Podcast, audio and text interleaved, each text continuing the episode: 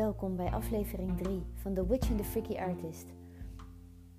Ja, mijn gedachten gingen uit naar een aflevering maken over energie.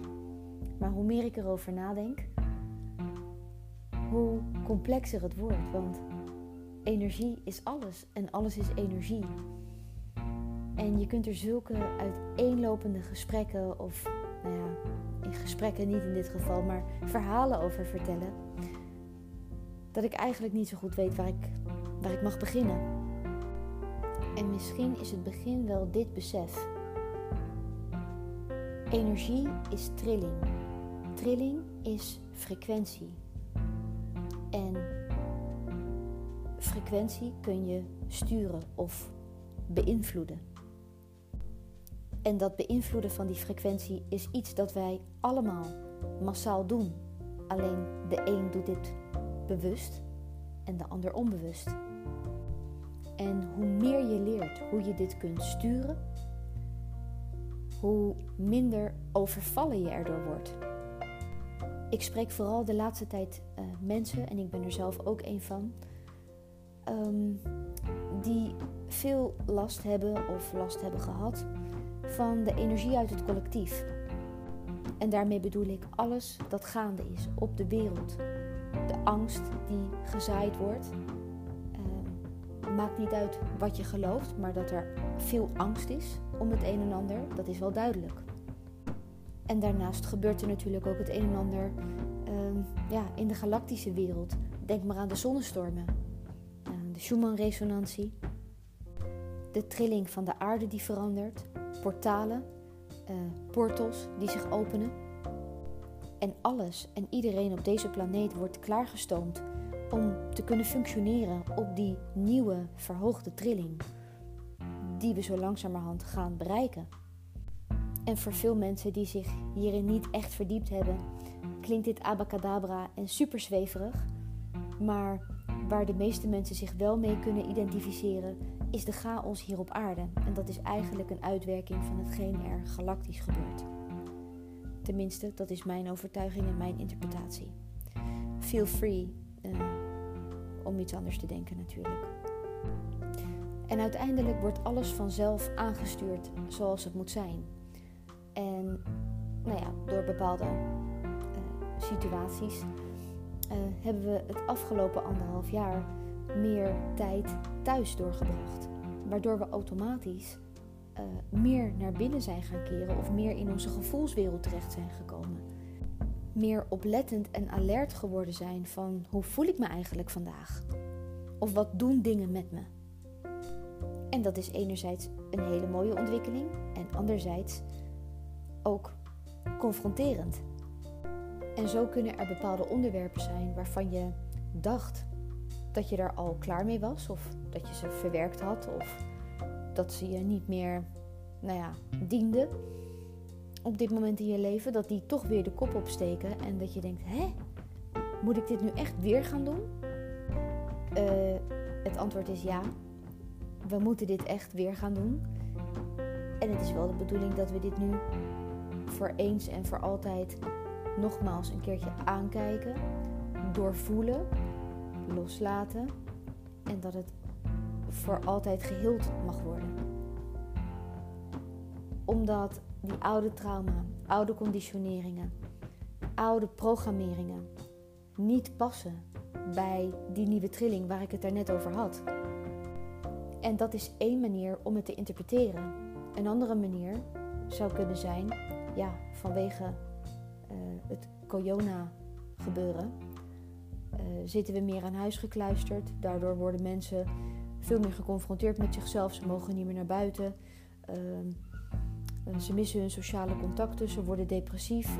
het aantal zelfmoorden is gestegen. Het aantal opnames in psychiatrische instellingen is gestegen. En dat komt door corona. En wat ik hier eigenlijk mee wil zeggen is dat het mij persoonlijk niet uitmaakt welke interpretatie je kiest. Want we kiezen allemaal onze eigen waarheid en het is allemaal goed. Alleen beide komen uiteindelijk op hetzelfde neer. En dat is dat die energie in beweging is. En dat is een pittige energie op dit moment. En wanneer jij je overgeleverd voelt aan die energie, dan voel je alsof je met je rug tegen de muur staat en geen enkele invloed hebt op wat je nu voelt en doormaakt in je leven.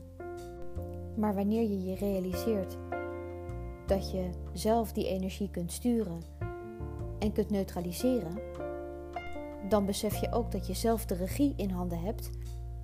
En dat maakt het hele gebeuren direct een stuk prettiger.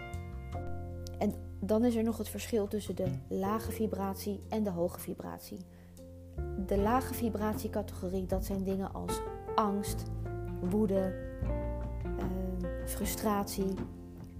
En de hoge uh, frequentie is blijheid, liefde, compassie, dankbaarheid.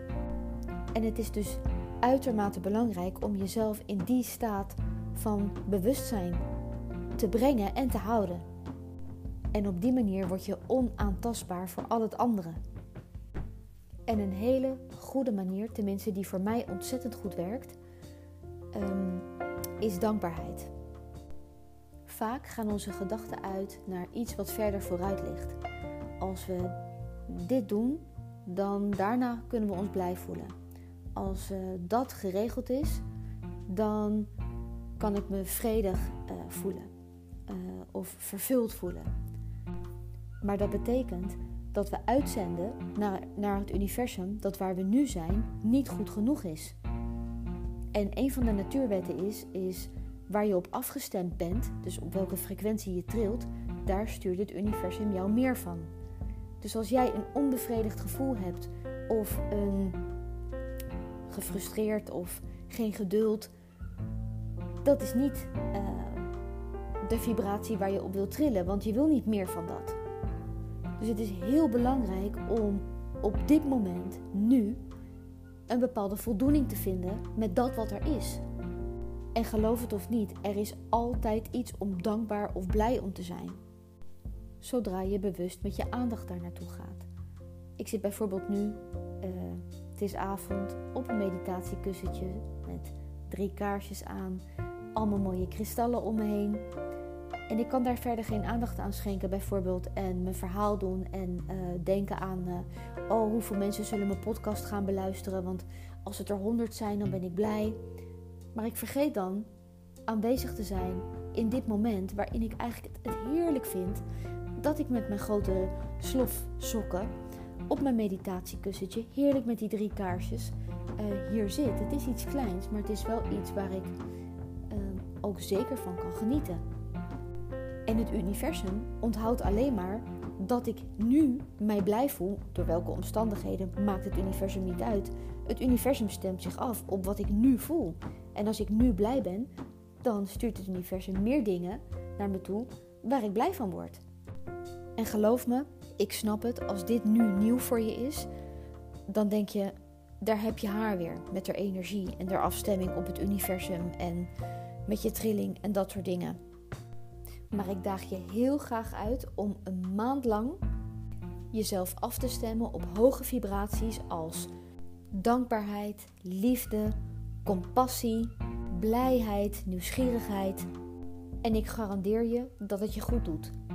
Het is namelijk onmogelijk dat het niet werkt. Want als je blij bent, ben je blij. Dus voel je je goed. Fucking simpel, maar heel effectief.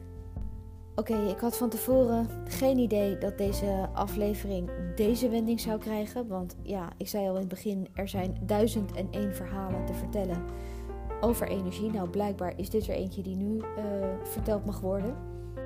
Ik ga dit nog veel vaker doen en het ook steeds vanuit een andere kant benaderen dit is één kant, maar ik vind het ook interessant om iets te delen over uh, hoe ik met energie werk vanuit mijn werkveld. Want dat is weer een hele andere benadering. En ergens heeft het ook altijd weer raakvlakken, maar dat is juist het leuke ervan. Afijn, nog even een dingetje om mee af te sluiten. Um, over mezelf. De afgelopen maanden heb ik het ook heel lastig gevonden om me staande te houden in deze energie uh, madness. En eigenlijk door naar binnen te keren en te realiseren en te beseffen en te oefenen dat ik mijn eigen energie kan beïnvloeden en, en kan sturen.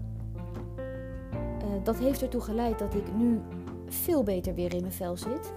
En dat ik me afvraag, waarom was ik dat vergeten? Maar het geeft niet. We zijn mens en ja, dingen gaan met ups en downs. Life is a rollercoaster en dat is juist hartstikke leuk. Uh, dus ja, het is wat het is. En ik daag je dus uit om vanaf nu een maand lang zo vaak mogelijk te beseffen waar je dankbaar voor bent. In het moment waarop je, waarin je op dat moment bent. En misschien zal het je opvallen dat je helemaal niet zo vaak met je aandacht en je focus uh, bij het moment van nu bent. Maar dat je met je gedachten afdwaalt naar iets anders. Ik ben in ieder geval heel erg benieuwd hoe het jullie vergaat. En heb je er vragen over of een opmerking of wil je er iets over delen? Dan kun je me een mailtje sturen op The Witch, the freaky artist at gmail.com. Alles in het Engels, dus de met T-H-E. En dan uh, ja, ga ik je beantwoorden uiteraard. Ik kijk er naar uit. Tot de volgende aflevering. Dikke kus. Doeg!